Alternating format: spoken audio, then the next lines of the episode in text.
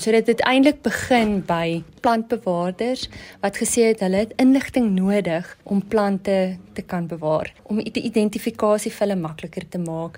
Want baie keer is al hierdie inligting oor die taksonomie van die plante en hoe om dit te identifiseer is in klomp verskillende bronne vasgevang in publikasies, maar mens moet baie keer dit koop of ehm um, dit is net in boeke beskikbaar in 'n biblioteek.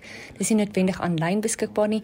Hulle werk baie stadiger. So hulle het so half gevra dat daar 'n platform geskep ja. word waar hulle hierdie inligting makliker in die hande kan kry. En natuurlik ook 'n platform met die nodige waardigheid en die etiese waardes en ook 'n bron wat van kan ja, vertrou. Dit is so, ja, so 'n betroubare bron, ehm, 'n um, plek wat autoriteit het in terme van wat is die regte naam. Hoe het julle dit bymekaar getrek? So dit is almal wat inteken en lede is van die VN kan deelneem aan hierdie inisiatief. So dis regtig 'n wêreldwye projek. Dink laaste toe ek gekyk het was daar 54 lede. So dis nie noodwendig verteenwoordiging van elke land nie, maar ehm um, 54 organisasies of lede wat dan nou al um, ingeteken het om deel te neem aan hierdie projek om inligting beskikbaar te maak en te help ontwikkel aan hierdie stelsel. Marian, maar seker vir jou 'n groot kompliment om deel te kon wees van so dinamiese projek. Jy's betrokke by Sandbeat, dis die Suid-Afrikaanse Nasionale Biodiversiteit Instituut. Vertel ons van hierdie verantwoordelikheid. ja, en toe ek met hierdie taak opgesaal is, dit klink nou vreeslik. Ek dit is so 'n groot voorreg om hierdie projek te kon koördineer. Ehm um, dit was vir my baie intimiderend aan die begin gewees want hier het ek saam met al hierdie mense gewerk. Ehm um, ek moes skielik met hulle skakel en op hulle vlak dinge doen. Ek het verskriklik baie by hulle geleer. En so was dit ook vir my voorreg om in Suid-Afrika hierdie rol te speel om by Sanbi namens die land hierdie projek te lei en om dit van die grond af te kry in al hierdie inligting bymekaar te maak sodat ons as Suid-Afrika kan bydra aan aan hierdie internasionale projek. En wat Suid-Afrika so uniek maak is dat ons flora is baie spesiaal. Meer as helfte van die flora kom net in Suid-Afrika voor. So ons bydra, daai unieke bydra wat ons kan maak, is oor die 3% gewees wat net Suid-Afrika kan lewer. Ja.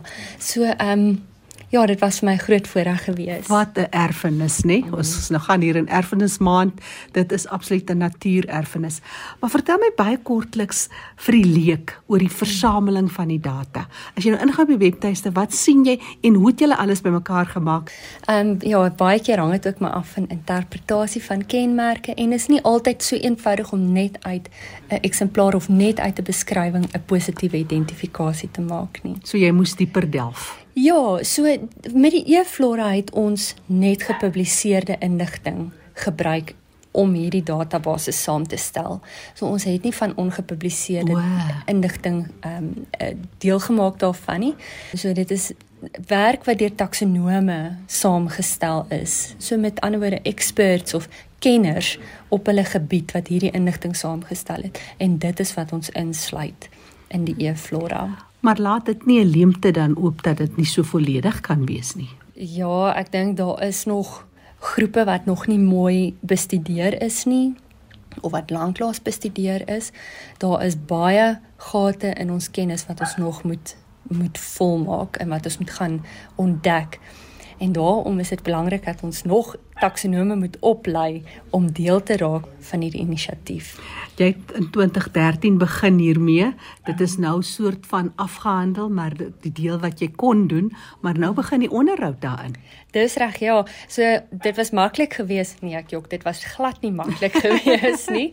Dit was 'n groot uitdaging om die inligting bymekaar te kry en dit is so nou moet ons op grond van nuwe navorsing en soos wat ons kennis uitbrei en ons um, inligting vermeerder, moet ons die eFlora database ook op datum hou. En hierdie database is gebaseer op die nasionale plant spesieslys wat ook deur Sanbi gekoördineer word. Mm. En soos wat hersienings uh, gedoen word van plante en 'n uh, nuwe konsepte of nuwe spesies ontdek word, moet ons die e-flora ook aanpas om op datum te bly met hierdie spesieslys. So as ek nou op die e-flora database ingaan, wat het ek nodig? Moet ek nou 'n botaniese naam ken? Kan ek 'n noemnaam ken? Wat is dit wat jy moet weet van om byvoorbeeld iets te probeer identifiseer?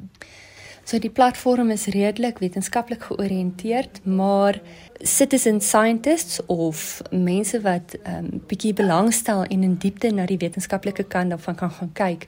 Jan Alleman mm. kan ook die platform gebruik. 'n Mens kan op 'n wetenskaplike naam gaan soek vir 'n plant of jy kan 'n algemene naam gebruik. Maar die algemene name maak dit baie keer moeilik omdat 'n een wetenskaplike naam of spesies se al kan baie algemene ja. name hê of een algemene naam kan na verskillende spesies verwys. So dis nie altyd so eenvoudig om met 'n algemene naam te gaan soek nie, maar dit is ten minste 'n begin. begin ja, ja, want dit is maar ja. streeksgebonde ook baie keer. Baie keer is dit so, ja. Wat kry jy dan daar? Is daar 'n voorbeeld van die plant, sy naam, sy gebruike, wat is op hierdie uh, webtuiste dan? Hierdie webtuiste se landingsplatform sluit al die biologiese inligting wat Sanbi voorverantwoordelik is in. So dit is nie net plante nie, dis diere, ekosisteme, en bewaringsplanne en nog meer.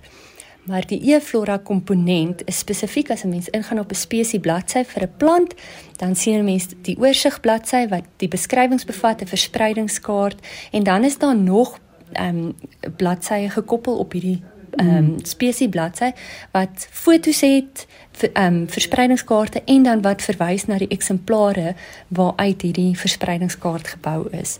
Dan is daar klassifikasie inligting, algemene name ehm um, en literatuur. Dit klink vir my na baie volledige webtuiste.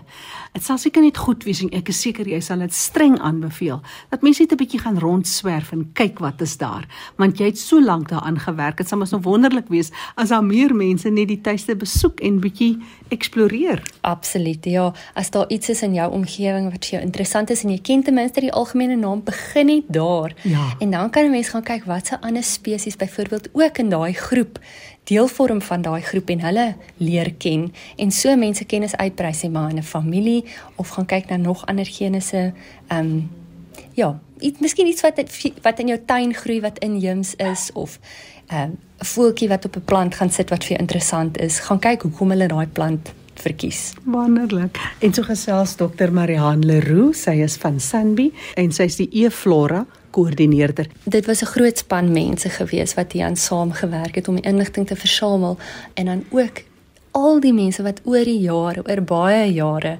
navorsing gedoen het oor ons plante. En daarvoor is julle seker dankbaar dat daar soveel mense is, maar daar's net nog soveel mense nodig as ek so kan. Daar's nog net soveel mense nodig, absoluut. Dankie Marianne. Ek is Jackie Jane hier wat groet hier uit Pretoria vir RSG.